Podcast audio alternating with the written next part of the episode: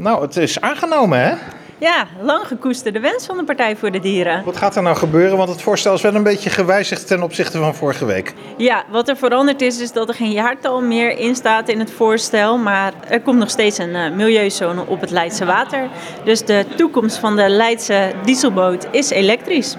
En um, kunnen die dieselbooteigenaren nou toch opgelucht ademhalen omdat er geen jaartal meer in staat?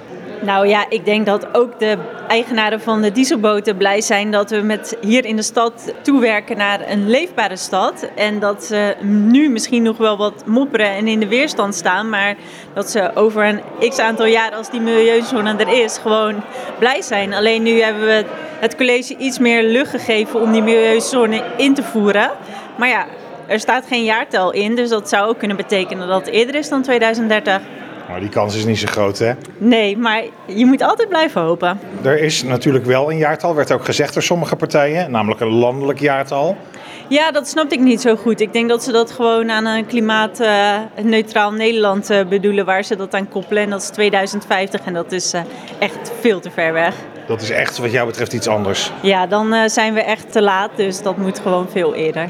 Vanaf nu, omdat het is aangenomen, hou je eigenlijk constant de vinger aan de pols bij de raad en college van ja, hoe staat het ermee? Precies, en we hebben in onze motie ook het college gevraagd om de raad hierover periodiek te informeren.